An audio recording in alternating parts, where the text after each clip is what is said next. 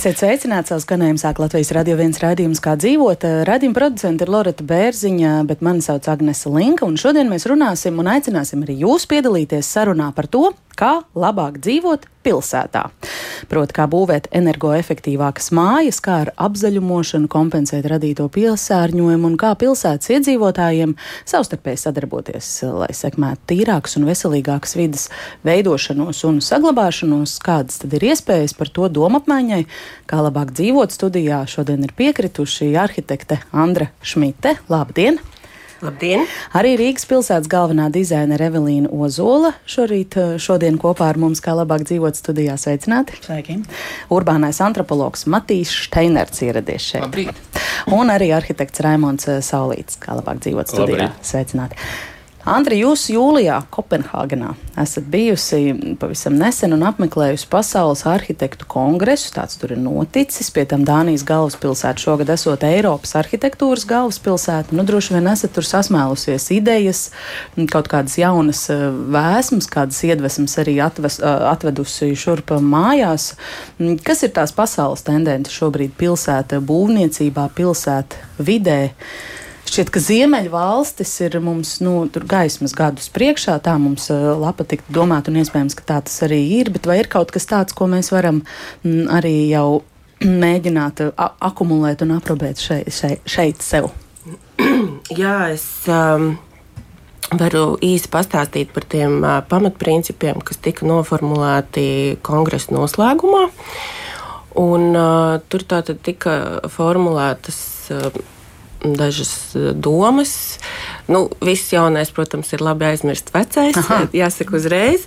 Bet uh, tas, kas bija vērtīgi, tas bija nu, tātad, tas, ka šie desmit principi, tā saucamās uh, desmit mācības no Kopenhāgenes, uh -huh. uh, tika tā skaidri noformulētas un postulētas. Un, uh, Un, tās idejas tā ir sekojošas, ka tad, kad mēs um, būvējam, mums eh, vispirms ir jāizmanto jau eksistējošas būves, eksistējošas mājas, un tikai tad mēs eh, ejam tālāk un mēģinām būvēt kaut ko jaunu.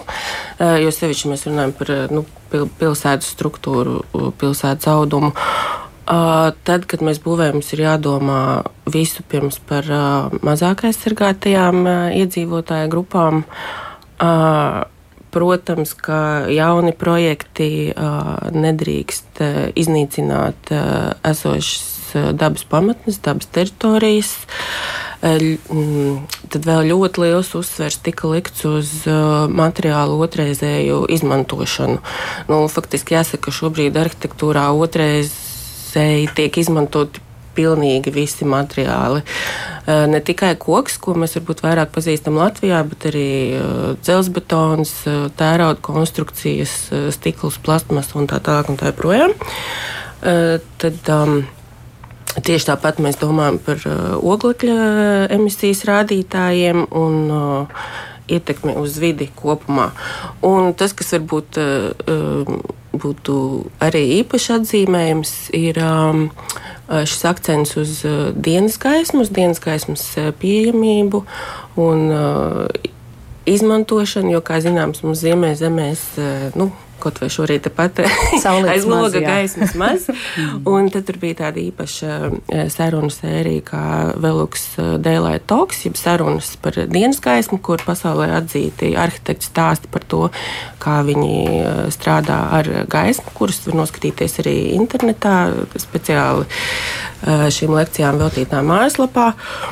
Un, Un to visu varēja apskatīt arī dabā.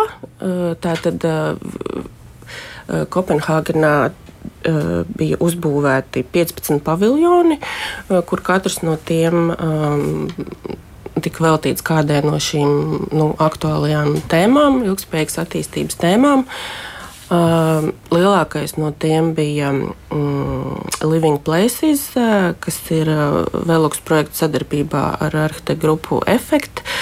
Uh, kur tātad bija reāli prototypi dzīvojamām mājām, kuru oglekļa emisijas rādītāji ir trīsreiz mazāki nekā šobrīd būvnormatīvos pieejamie. Un arī īpaši akcents tika likts uz dienas gaismas nu, veiksmīgu, maksimālu izmantojamību. Jā.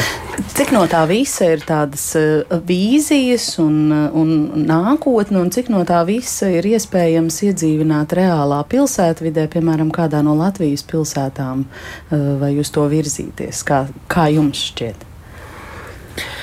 Um, es domāju, ka Latvijā daudz kas ir jau uh, izdarīts. Uh, To mēs varam redzēt, piemēram, pagājušā gada arhitektūras gada skatē, kur galveno balvu ieguva objekts, kas ir veltīts tieši mazāk aizsargātai, tad iepriekš pieminētajai mazāk aizsargātajai iedzīvotāju grupām, grupai, kas ir cilvēki ar attīstības traucējumiem.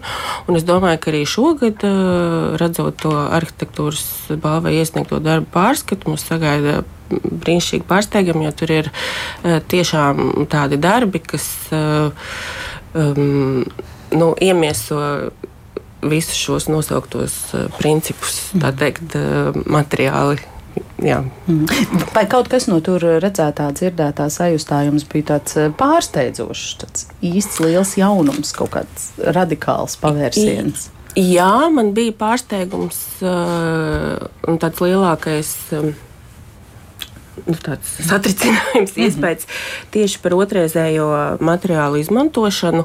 Uh, jā, nu, mēs visi saprotam to tādā, varbūt tādā mikro līmenī, uh, būvniecībā, arhitektūrā, ka mēs tur nojaucam vecu šķūni un tad, uh, nezinu, no dēļiem uztaisam kādu smuku sienu vai kādu plauktu.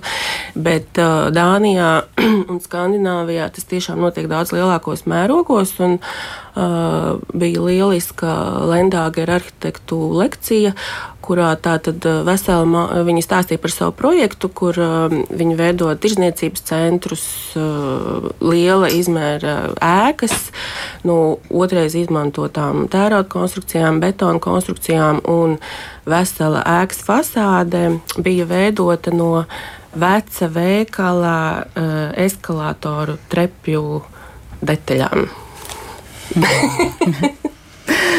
Evelīna, par ko jūs domājat, Andris, teiktajā klausoties, un uh, vai jūs no tādām savām profesionālajām pozīcijām varat izstāstīt, vai mēs uh, galvaspilsētā, kas ir tā jūsu atbildība, esam uz tā ceļa vai vismaz raugāmies tādā virzienā, kādu ieskicēja Andra?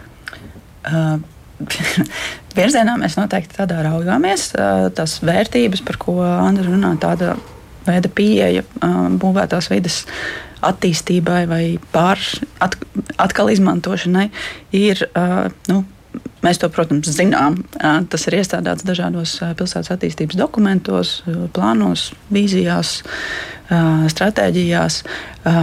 Es domāju, tas, kas ir tā grūtākā daļa, protams, ir ieviešana, īstenošana. Tur ir nepieciešama diezgan liela apņēmība, jo nu, skaidrs arī, ka ne visi varbūt tie um, tie soļi, kas ir jāveic, būs uzreiz tādi nu, visiem saprotami un populāri. Tur ir um, nepieciešama tiešām apņēmība, drosme un, un, uh, un arī tāds. Uh, nu, Ļoti skaidri, tādi praktiski soļi jāizdomā, kas ir jāveic, lai uh, nu, vismaz kaut ko no šīm lietām varētu patiešām praksē ieviest. Mm.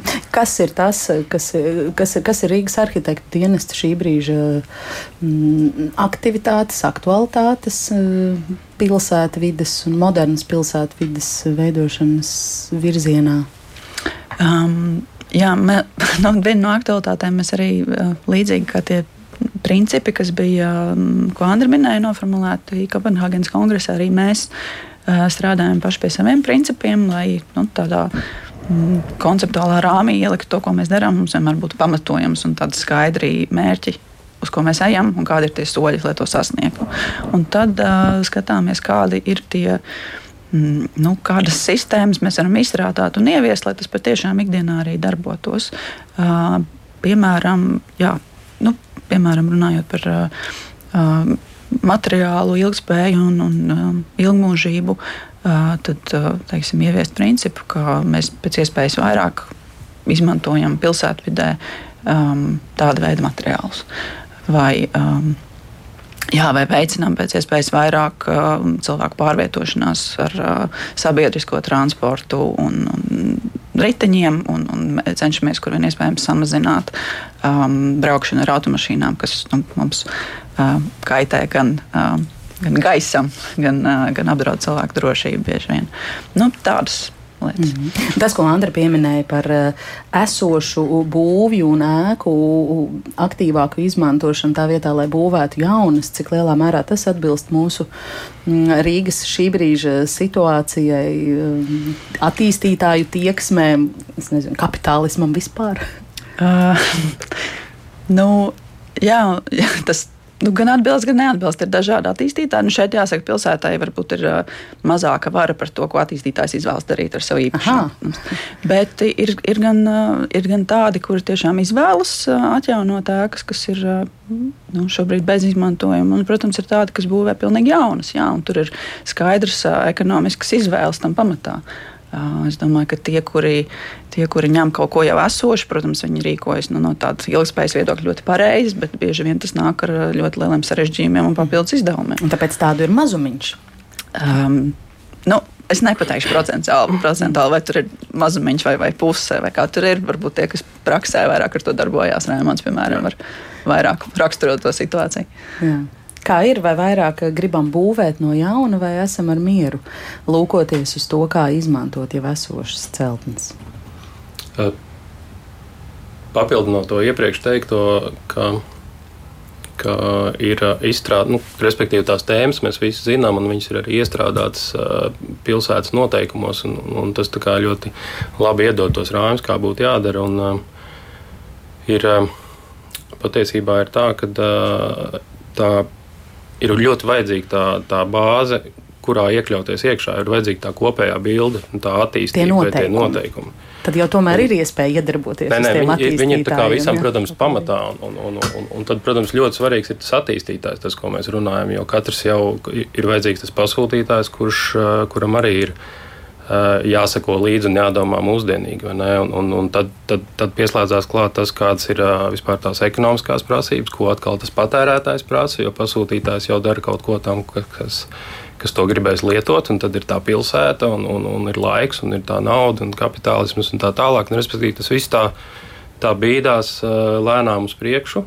un, un, un viens otru ietekmē. Tā kā ir tās tendences, ko Andris saka, ka šobrīd tendences ir tādas, un, un mums viņas ir jāpaņem, mums ir jādzīvo ar tām tendencēm, tas iedod to šodienas domāšanu, bet tā, tā, tas, tas ilgums tam, lai tas notiktu nu, tādā pilsētā, lai mēs pamanītu, viņš ir nu, ļoti liels. Nu, teiksim, Ieskicējot, ieskicējot, piemēram, nu vienu projektu, varētu teikt, mums ļoti tuvu centram šis preses nams, ko mēs šobrīd ir daļa ir būvniecībā un vēl projektējam tālāk. Uh, tie, tie aizmetņi faktiski sākās kaut kādā 2006. gadā, kaut kad ap to laiku, kad tika veidota tāda grupa. Domātāji, kas bija pilsētplānotāji, un tad pēc tam radās pirmās skices. Tad iesaistīja jau kaut kādas noteikumu, mazliet aprakstīšanu, tad iesaistīja arī attīstītājus, jo tad bija tāds būvniecības bums, kad visi gribēja būvēt. Un pilsētas arhitekts arī teica, ka nu, vajadzētu viņus visus sasēdināt kopā un izveidot tādu kopīgu vīziju un ar visiem viņiem izrunāt, ka nevar būt kaut kā tā ļoti haotiski, kaut kas sadarīts, kaut kur sapičkāts pa stūriem, un, un tā, ka vajag tādu kopēju tādu vīziju, un pēc tam tiek vēl eh, detalizēts un aprunāts un publiski apspriests un, un parādīts, un tad tās visas puses ir iesaistītas, tad tas nonāk noteikumos. Un tad ir tā, tā kopējā bilde, ir zināma, un tās puzles gabaliņi, un, un, un tur jau daudz kas nenotika no tiem laikiem, un daudz kas ir mainījies kopš tiem, bet, bet mēs zinām to spēles noteikumus, un, un, un tad veidojās, ka piemēram, nodefinē, ka tā pilsētas ārtelpa ir svarīga un tās universitātes, kas mums tur ir, vai ne, visas pa ceļam, RTU un bibliotēkas, un tas, tas viss ir savienots ar tādu kopīgu telpu. Kur, kur, kur ir arī sabiedrisks transports un viss pārvietošanās, un tā mobilitāte un tā tālāk. Un tas viss ir iekļauts iekšā, un tad tu nāc ar to savu vēlmi, Un tu zini, ka nu, tu nevari šeit vienkārši nu, uzbūvēt sienas un nedraudzēties, ka tu esi daļa no tā visa. Un tā, nu, jūs redzat, 2006. un 2023. un tagad kaut kas tur notiek. Un, un, un, un tā, bet, ja konkrēti, piemēram, tajā projektā mums ir tā, ka, piemēram, vecā tipogrāfijas ēka bija ļoti specifiska. Viņai bija dažādi augstuma grīdas, tur bija bumbu patvērsmes, un, un, un respektīvi, viņi nu, neatbild tai, tai, tai funkcijai, kas bija ieplānota šobrīd, kas mēs runājam par daudzfunkcionalitāti, par mainīšanos, ka mēs varam to māju salikt, varbūt pēc tam izjaukt un tā tālāk, bet tos materiālus, kas bija tajā ēkai, mēs esam izmantojuši, piemēram, nu, protams, ka uh, tādas kā asbestus un, un, un, un kaut kādas lampas un krāsas, kas bija, viņas nodod un utilizē, bet, nu, piemēram, būvgrūžus, kas ir izmantojami, mēs lietojam ceļiem, pamatnēm, grīdām, tā tālāk metāls, protams, nodod, respektīvi tā at, at, atkārtotā izmantošana tur ir un tā pašā laikā šī te, uh, nu, kas bija biroja ēka, viņi kļūst par viesnīcu. Un, viņi, protams, ka būtu viegli nojaukt, bet nu, šobrīd neviens tā vairs nedomā.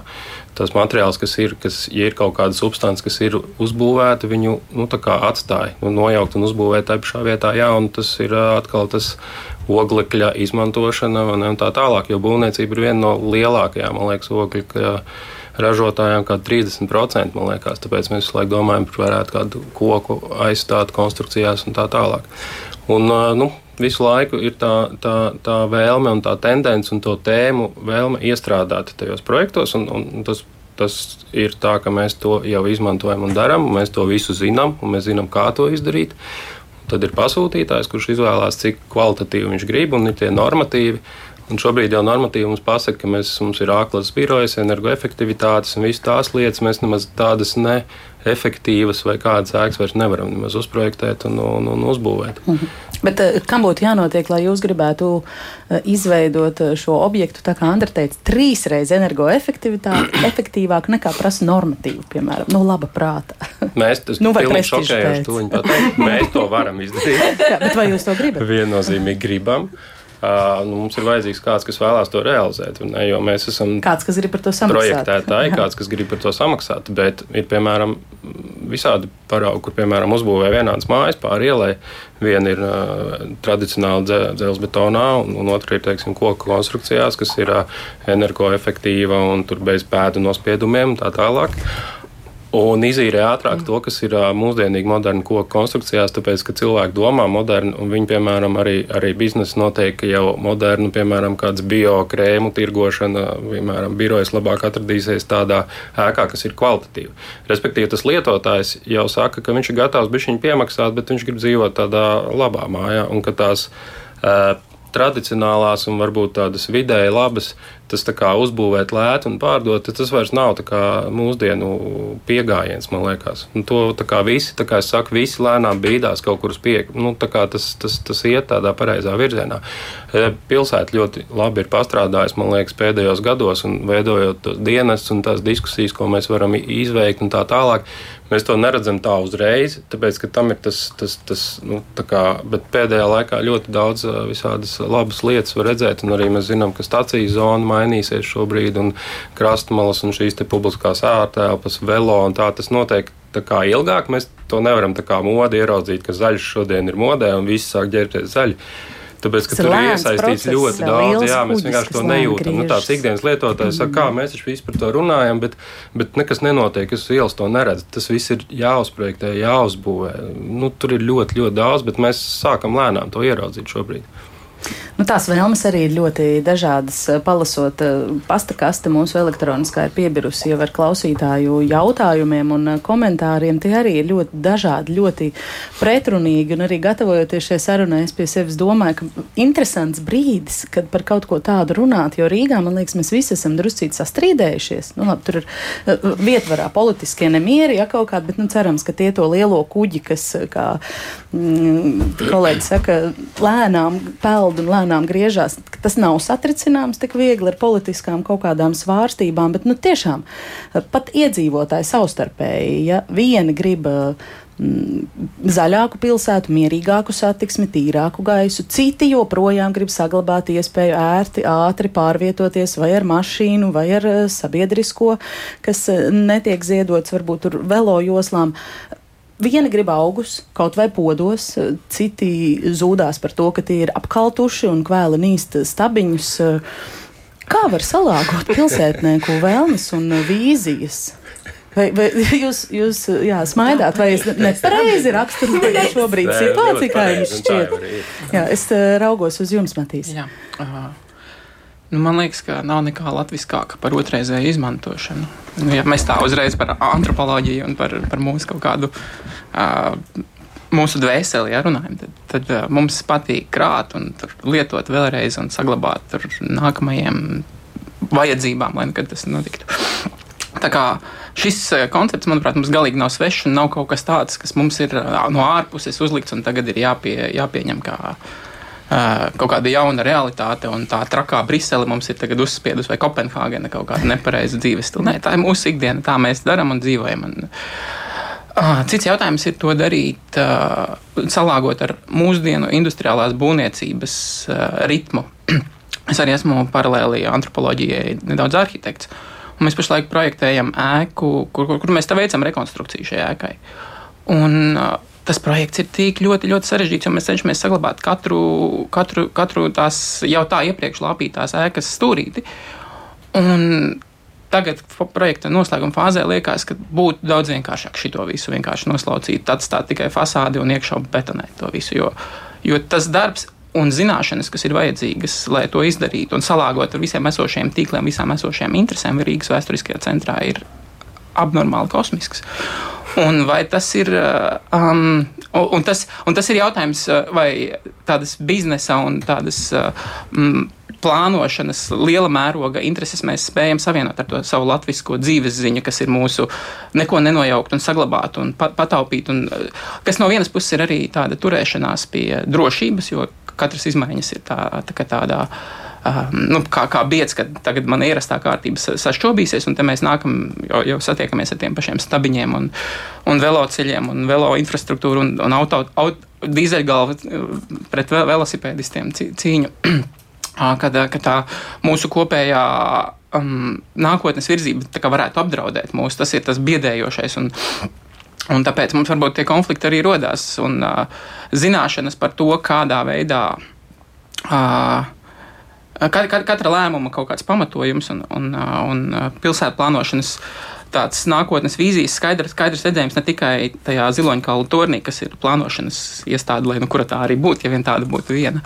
Uh, Um, būtu vēlams viņām nonā, nolaisties arī līdz tam iedzīvotājiem līmenim, lai saprastu, kāpēc ir tā, ka mēs nevis spiežam, bet uh, veicinam šo pilsētas attīstību tajā Kopenhāgenes virzienā vai tajā uh, industriālās būvniecības virzienā. Un tā, tā, tā cīņa ir īsta un, un klātesoša.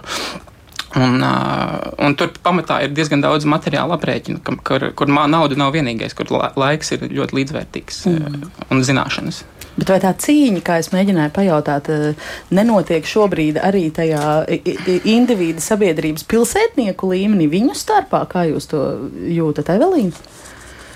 Mm, nu, īstenībā man jāsaka, varbūt to tik spēcīgi neizjūtu kā tādu cīņu, jo patiesībā es um, nu, no pašvaldības puses um, visādi um, plānošanas, uh, plānošanas procesos, dažādos projektos uh, iedzīvotāji tiek iesaistīti un viņos arī klausās. Un, um, ir pietiekami daudz gadījumu, kad arī iedzīvotāji saka lietām nē, un tad tās netiek īstenotas. Un ir uh, iedzīvotāji ierosinājumi, kuri nu, praktiski tādā veidā, kādi tie ir ierosināti, arī pēc tam nonāk pašvaldības dienas kārtībā un tiek, tiek īstenot. Es to drīzāk redzu nevis tādu lielu savstarpēju kaut kādu cīņu vai stīvēšanos, bet nu, tādu aizvien produktīvāku sadarbību patiesībā. Uh, un, uh, nu, skaidrs, ka interešu līdzsvarošanas procesā kādai no pusēm nu, nākas pie, piekāpties. Viss ir vienlaikus nevar dabūt to, ko grib. Dažkārt tā ir varbūt tā varas puse, un dažkārt tā ir vairāk kāda nu, iedzīvotāja puse. Tas, tas ir tāda. Nu jā, tāda savstarpēja salāgošanās un, un saprašanās. Mhm. Tādas krasas atšķirības tieši pilsētnieku vēlmēs un vīzijās nenojaušat, nevērojat krāsas atšķirības. Jā, nu tā ka, kā jau mēs te trivializējām, vieni grib veloceļus, otri grib joprojām ātru kustību pa čaku un brīvības ielu un tam līdzīgi. Nē, tā, tādas, protams, pastāv, bet.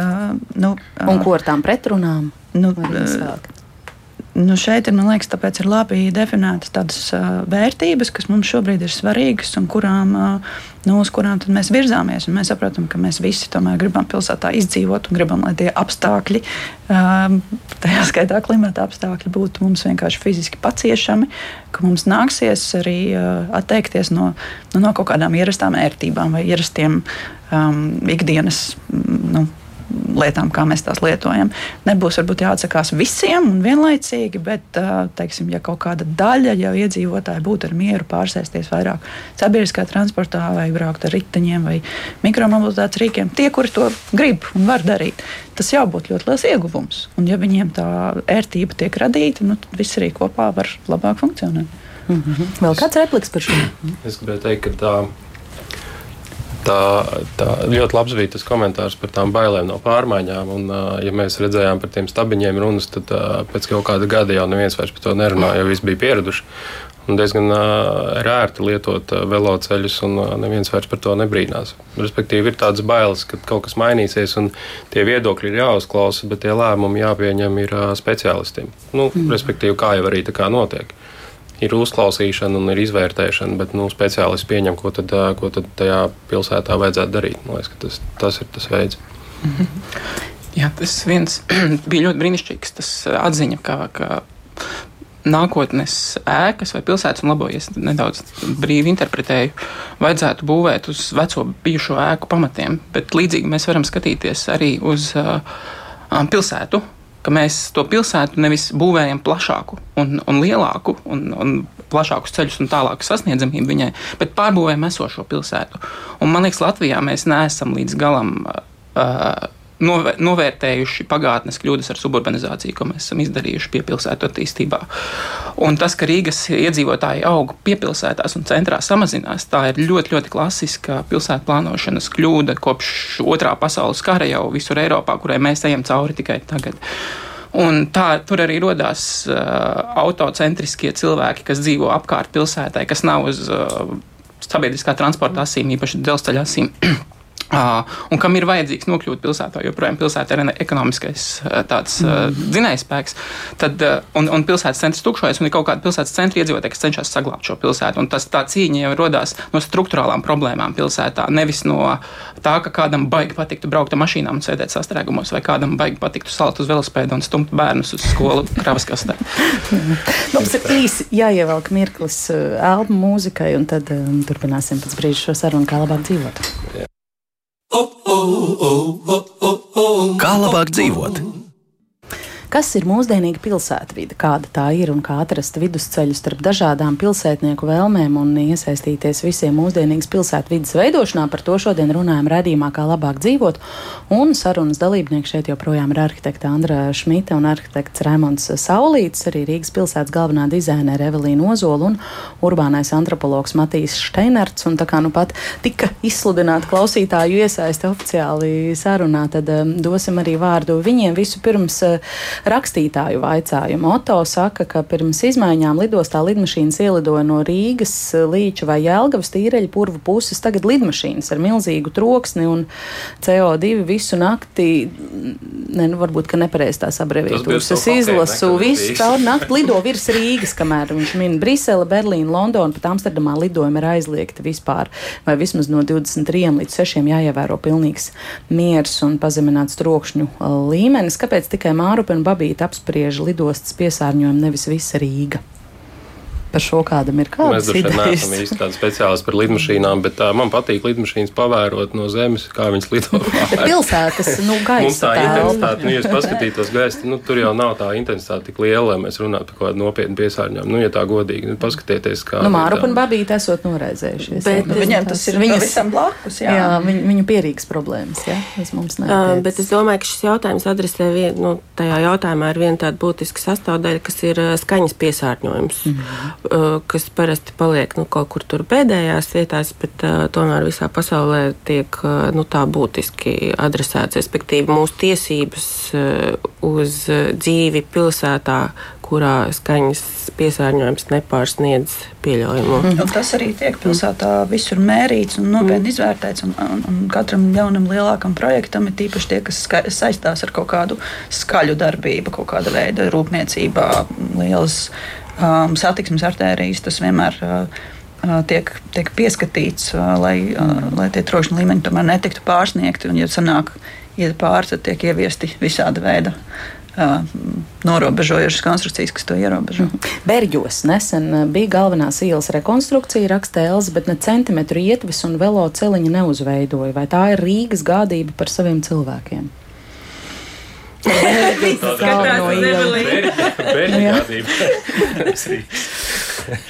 Nu, tas, tas izklausās slikti, jā, bet, nu, protams, nezinot par to konkrēto situāciju sīkāk, ļoti grūti komentēt. Mm -hmm. Bet, um, nu, jāsaka, protams, arī ielas, kas atsevišķus veloceliņus nu, neprasa pēc savas kategorijas un tās satiksmes intensitātes. Es mm -hmm. nezinu, kāds šeit ir tas. Uh, nu, konkr konkrētais gadījums, bet tā kopējā tomēr uh, satiksmes uh, infrastruktūras izbūves politika ir tāda, ka veidot tos veloceļus, lai, lai nodrošinātu drošu, atdalītu plūsmu velobraucējiem, lai viņi nekaitē ne gājējiem, ne, ne auto un, un otrādi, lai viens otru tur neapdraud. Mm -hmm. Par, par, par podi, podiem un kastēm ar augiem, protams, ir jautājumi, kam ir tā atbildība par kokiem, kas iestādīti kastēs. Manuprāt, labāk izskatās puķis un neliela krūma koki kastēs bieži vien tiek aizmirsti un nekopti vējā izmest nodokļu maksātāju naudu. Šis ir ļoti sarežģīts jautājums, un tas ir. Tie pie tā tiek strādāts, lai sakārtotu, jo nav tā, ka tā atbildība par kokiem un stādiem kastēs būtu kaut kāda viena Rīgas, vienas Rīgas struktūra vienības rokās. Šobrīd tas ir diezgan sadalīti. Jāsaka. Kas to dala? Kuras struktūra vienības? Uh, ir nu, par lielu daļu gādību uzņemās Rīgas meži kapitāla sabiedrība, ir mājokļu vidas departaments, ir tāda nu, augstāka organizācija, kas savukārt tad, uh, deleģē lietas uh, Rīgas mežiem, arī satiksmes departamentam ir. Uh, ir daļa atbildības par, um, par, par šiem stādījumiem. Un jāsaka, tas viss drīzumā arī mainīsies, jo nu, mēs jau esam dzirdējuši, ka notiek reorganizācija un tiek veidots jauns superdepartaments, kurā um, daļa no publiskās ārtelpas lietām, tajā skaitā dažādi koki un krūmi. Uh, satiksmes telpā tiek apvienot ar satiksmes plānošanu. Tad būtu ārtelpas un mobilitātes departaments. Tā kā ir katrā ziņā ir cerība, ka tas vairāk kā, apvienosies un, un, un tiks daudz, daudz raitāk tiek, tiks apsaimniekot tie stādījumi. Bet es gribēju mazliet paskaidrot par, tiem, par tām kastēm stādījumu. Um, mums, diemžēl, daudz kur Rīgas centrā ir tā, ka kārtīgi iestādīt kokus vai krūmus zemē ir praktiski neiespējami, jo visa apakšzeme, ko mēs ikdienā neredzam, ir pilna ar visvisādām mums vajadzīgām pazemes komunikācijām. Un, um, nu, tie komunikāciju saimnieki nu, nekāda negrib piekāpties un ļaut kaut ko stādīt virsū, jo skaidrs, ka ir jāremontē, tad tas viss atkal jārauj ārā. Tas ir saprotami. Līdz ar to konteineros kaut ko stādīt, daudz vietu ir praktiski vienīgā izēja, lai uz tās ielas būtu vispār kaut kas zaļš. Un, nu, jā, tur ir visādi mēģinājumi bijuši. Un, protams, ka pilsēta jau arī mācās un saprot to, ka pārāk mazi un tievi kociņi neizskatās labi. Un, un arī ēnu un nav izturīgi. Jā, un tad uh, virzīties uz, uz tādiem aizvien kuplākiem stādījumiem, saprast, kāds ir tas piemērotais konteineru izmērs.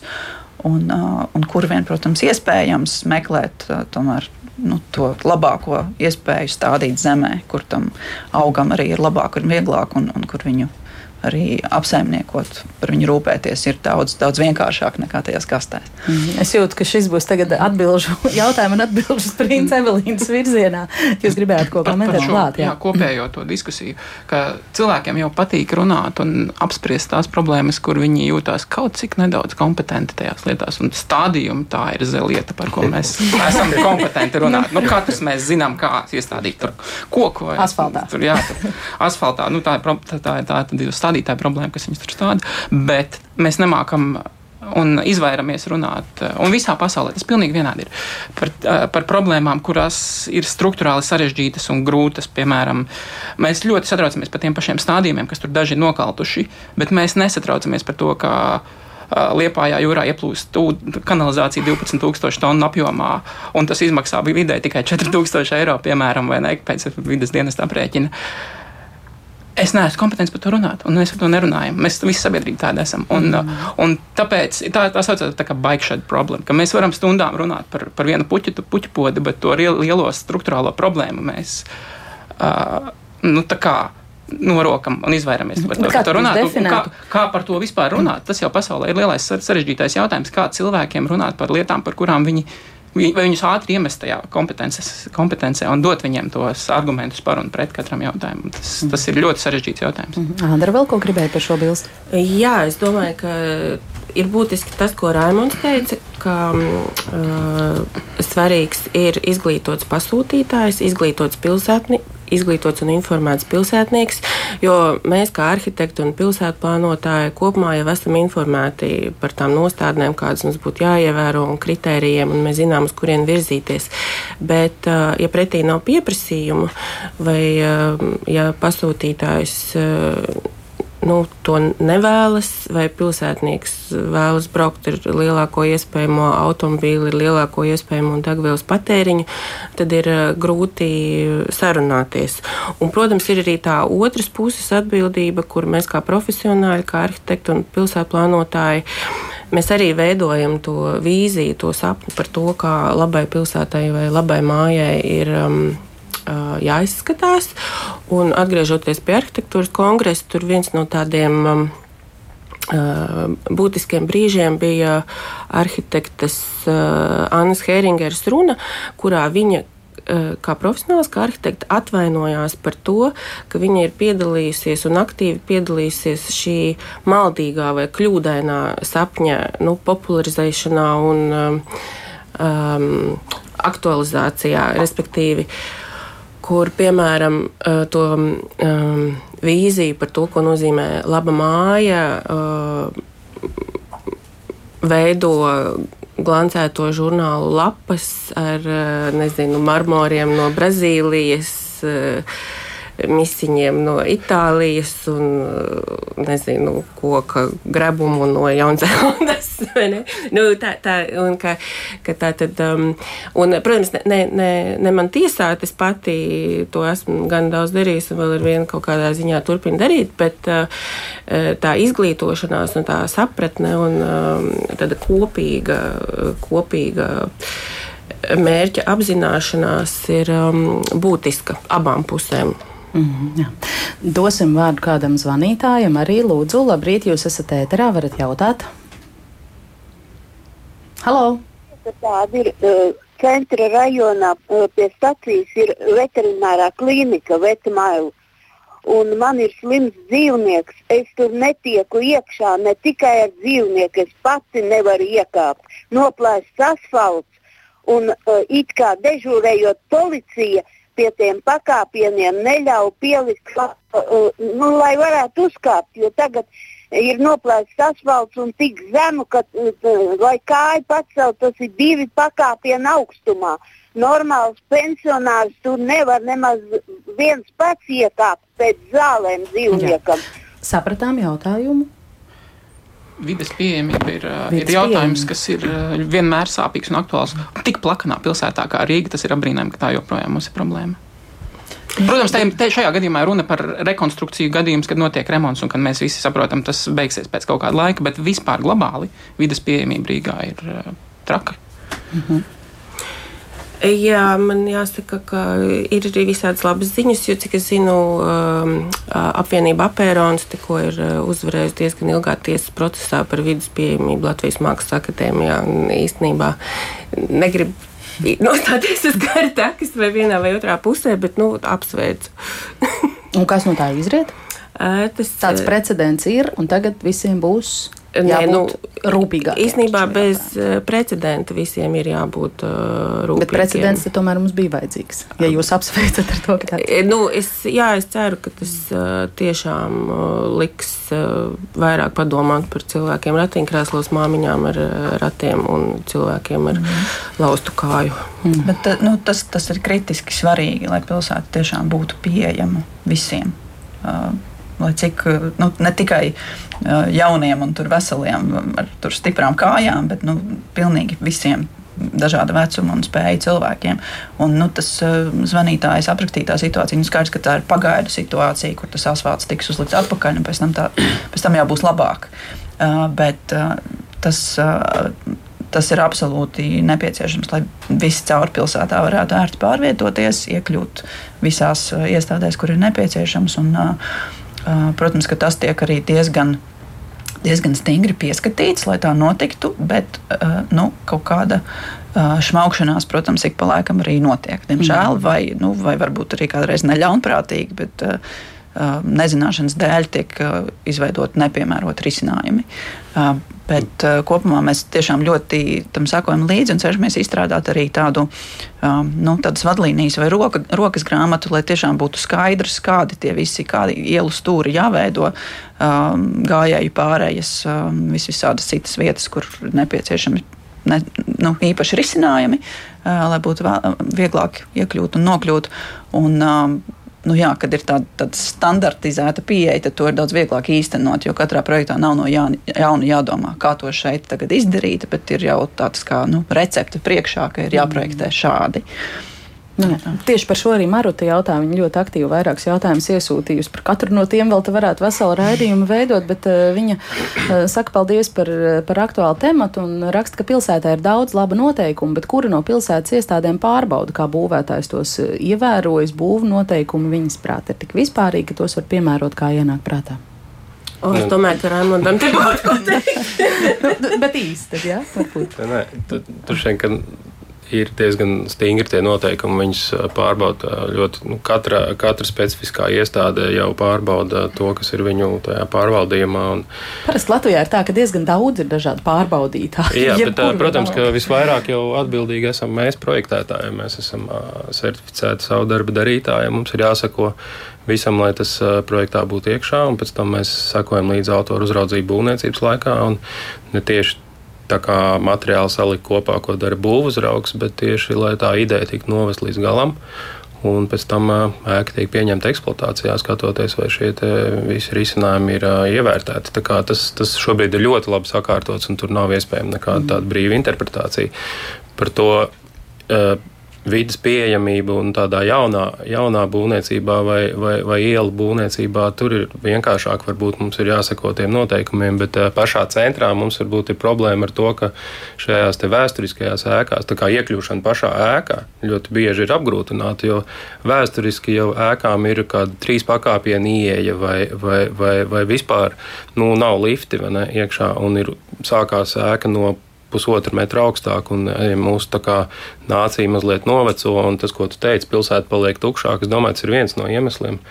Jo, jo cilvēki izvēlās kaut kur doties ārā un meklē jaunas mājas, un jaunas mājas vairāk būvē ārpusē un tā tālāk. Respektīvi, šo jautājumu tas ir ļoti, ļoti sarežģīts jautājums. Mm. Ļoti sarežģīts risinājums, jo mēs arī nedrīkstam pilnībā pārveidot uh, vēsturisko ēku, teiksim, un, un, un tas ir tas pats jautājums un ir uz ielas, varbūt nav pietiekami daudz telpas, lai izveidotu šos pandus. Tāpēc tas, tas atkal visu laiku ir tā, nu, abas divas puses ir monētai, un tu to vari un nevari. Zini, kā to darīt. Nu, kaut tad, kas jā. tāds, jā, mhm. aptuveni tā. Interesanti, te tādi uh, pretrunīgi viedokļi arī parādās uh, Gundaga raksta, tāpēc jau cilvēki izvēlas piepilsētas, ka Rīgas centrs nav patīkama vide, nav zaļš, ir putekļains un bedrēns, un tāpat laikā ļoti daudz cilvēki uh, raksta, ka tieši ārpus Rīgas centra tiek ignorētas kājām gājēju intereses, piemēram, Ulmaņa gatavē trotuārs tikai vienā pusē nav pārēju, lai tiktu otrā pusē par to pašu bērģu celiņu ceļu pa galveno ielu, kurai nav gājēju ietves blakus, arī raksta. Nu,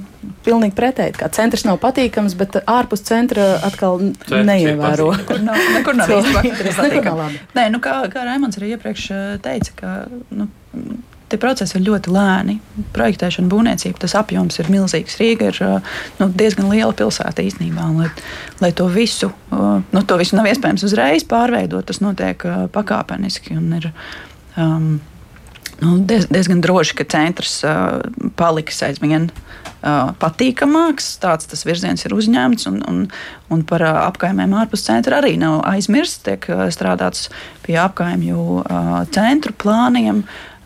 kā, kā tur uz, uzlabot gan, gan ielas, gan apstādījumus, gan, gan kultūras un tirzniecības piedāvājumu cilvēkiem. Un, tā kā nu, jā, ne, neviens par, par iedzīvotājiem nav aizmirsis. tā, tā varbūt tā labā ziņa, tā, tā mazāk labā ziņa, ka vienkārši ir jābruņojas ar pacietību un tas, nu, tas nevar notikt tik ātri, kā mums gribētu. Jā, jā. Es tiešām neapskaužu Evelīnas kolēģi darbu, jo viņiem ir, lai padarītu labāku centru, mums ir jāizspiež ārā mašīnas, kas nozīmē jāizspiež ārā piepilsētu iedzīvotāji no centra, un viņiem ir liela teikšana Rīgā arī. Un tad, kāpēc, tad, tad Rīgai ir ļoti liela cīņa, kas ir augstāka prioritāte? Tie cilvēki, kas atved savu zināšanas un darbu un klātbūtni pilsētā, vai tie cilvēki, kas šeit jau dzīvo, bet neizbauda to vietu? Mm. Diezgan daudz jautājumu tomēr par vidzemes tirgu pavaicāšu. Jā kas tiek plānots attīstībā ar vidzemes tirgu. Nakts tirgus trešdienās pozitīvi, bet nāk ziema, kas būs tālāk. Liels prieks par Āgenskalnu tirgu vēl raksta. Kaut kas līdzīgs jau vien notiks, vai ne? Jā. Nu, nu, tāpēc, tas, ka... tas mērķis ir, lai, lai, lai šo tirgu atjaunotu un uh, padarītu atkal dzīvības uh, pilnu. Uh, šogad uh, notiek tādi nu, to, to naktas tirgu un, un visas pārējās aktivitātes, kas plānotas, varētu nosaukt par tādiem izmēģinājumiem šobrīd, kas ir tāds nu, pagaidu režīms, kamēr top tāds lielāks plāns. Jo kas ļoti būtiski ir, protams, tā nu, finanšu puse tādam tirgumam, lai tas spētu darboties, tam ir jābūt finansiāli ilgspējīgam, ne, ne tikai telpiski patīkamai vietai. Tā kā pie tā tiek strādāts, un tad šogad ir nu, tādi pirmie tirzniecības pasākumi, arī kultūras pasākumi. Rudenī kultūras mākslas festivāls tiks rīkots un, un vēl vis visādas aktivitātes ieplānotas. Bet jā, tas, tas lielākais kopējais plāns vēl arī mazliet jāpagaida. Mm. Burtiski pēdējās minūtes arī redzējumā ir atlikušas. Pavisam īsi pavaicāšu, mēs te tikai par Rīgu, par Rīgu vien, vai tas ir tā pamatot, vai arī no tādas mūsdienīgas pilsētvidas perspektīvas mēs varam vērtēt un lūkoties arī uz citām Latvijas pilsētām. Ah, jā, Latvijas es. Man uzreiz ir viena vien, vien, vien, bilde prātā. Citām Latvijas pilsētām noteikti problēmas ir drusciņi savādākas, jo lielākā, gandrīz visas Latvijas pilsētas ir saraujošās pilsētas, un iedzīvotāju piesaistīšanas problēma ir pilnīgi visās viņās. Pat Rīgā un Rīgas centrā, izņemot Pierīgu. Bet vai tās kvalificējas mūs, mūsdienīgas pilsētvidas kritērijiem? Jā, tā, šie Kopenhāgenes kritēriji visi jā. ļoti labi var attiecināt uz saraujošām pilsētām, jo mēs izmantojam otrais to pašu pilsētu un mēģinam maksimāli iekļauties esošajā un neveicināt pilsētu izgāšanos ārpus saviem rāmjiem, lai gan tas ir ekonomiski kārdinoši. Andra arī vilka kalpu. Ja nē, tad es ceru uzreiz pateikt vai, uz jautājumu, vai notiek citās pilsētās. Jā, es dienu piedalīšos tādā kā seminārā plenērā aizputē par tēmu, kā labāk dzīvot aizputē visas dienas garumā. Varbūt jums arī jāizbrauc paklājā. Laipni lūgti. Jā. Vēl tā noslēdzot, ne, bet Marta raksta, vienmēr kāds būs neapmierināts, lai nu izdodas tomēr realizēt tās labākās um, idejas. Paldies par dalību radījumā, kā labāk dzīvot. Šo, šodien teikšu arhitektai Andrē Šmitei, arī arhitektam Raimondam Saulītim, Rīgas pilsētas galvenajai dizainerai Evelīnai Ozolai un urbānajam antropologam Matīsam Šteinertam. Šodien par rādījumu tapšanu gādāja Loreta Bērziņa, pieskaņa pults bija Katrīna Bramberga. Mikrofona ir Agnēs Linka, bet rīt kā labāk dzīvot, runāsim par to, kāpēc vērts šajā nedēļas nogalē ieplānot došanos uz Latvijā pirmo pļavas festivālu. Tad ārā no pilsētas, kur, kā un kāpēc tas notiks, to skaidrosim redzījumā jau rīt uz eh, sadzirdēšanos.